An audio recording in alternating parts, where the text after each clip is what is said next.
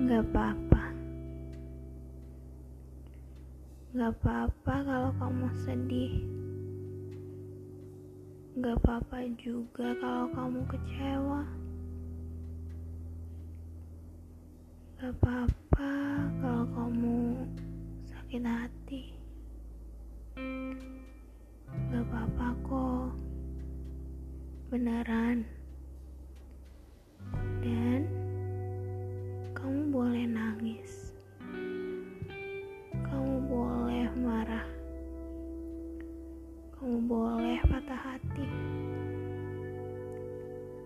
Tapi kamu gak boleh nyerah ya. Setelah semua kesedihan dan kekecewaan itu, kamu harus bangkit. Hapus air matanya dan harus bahagia lagi ya.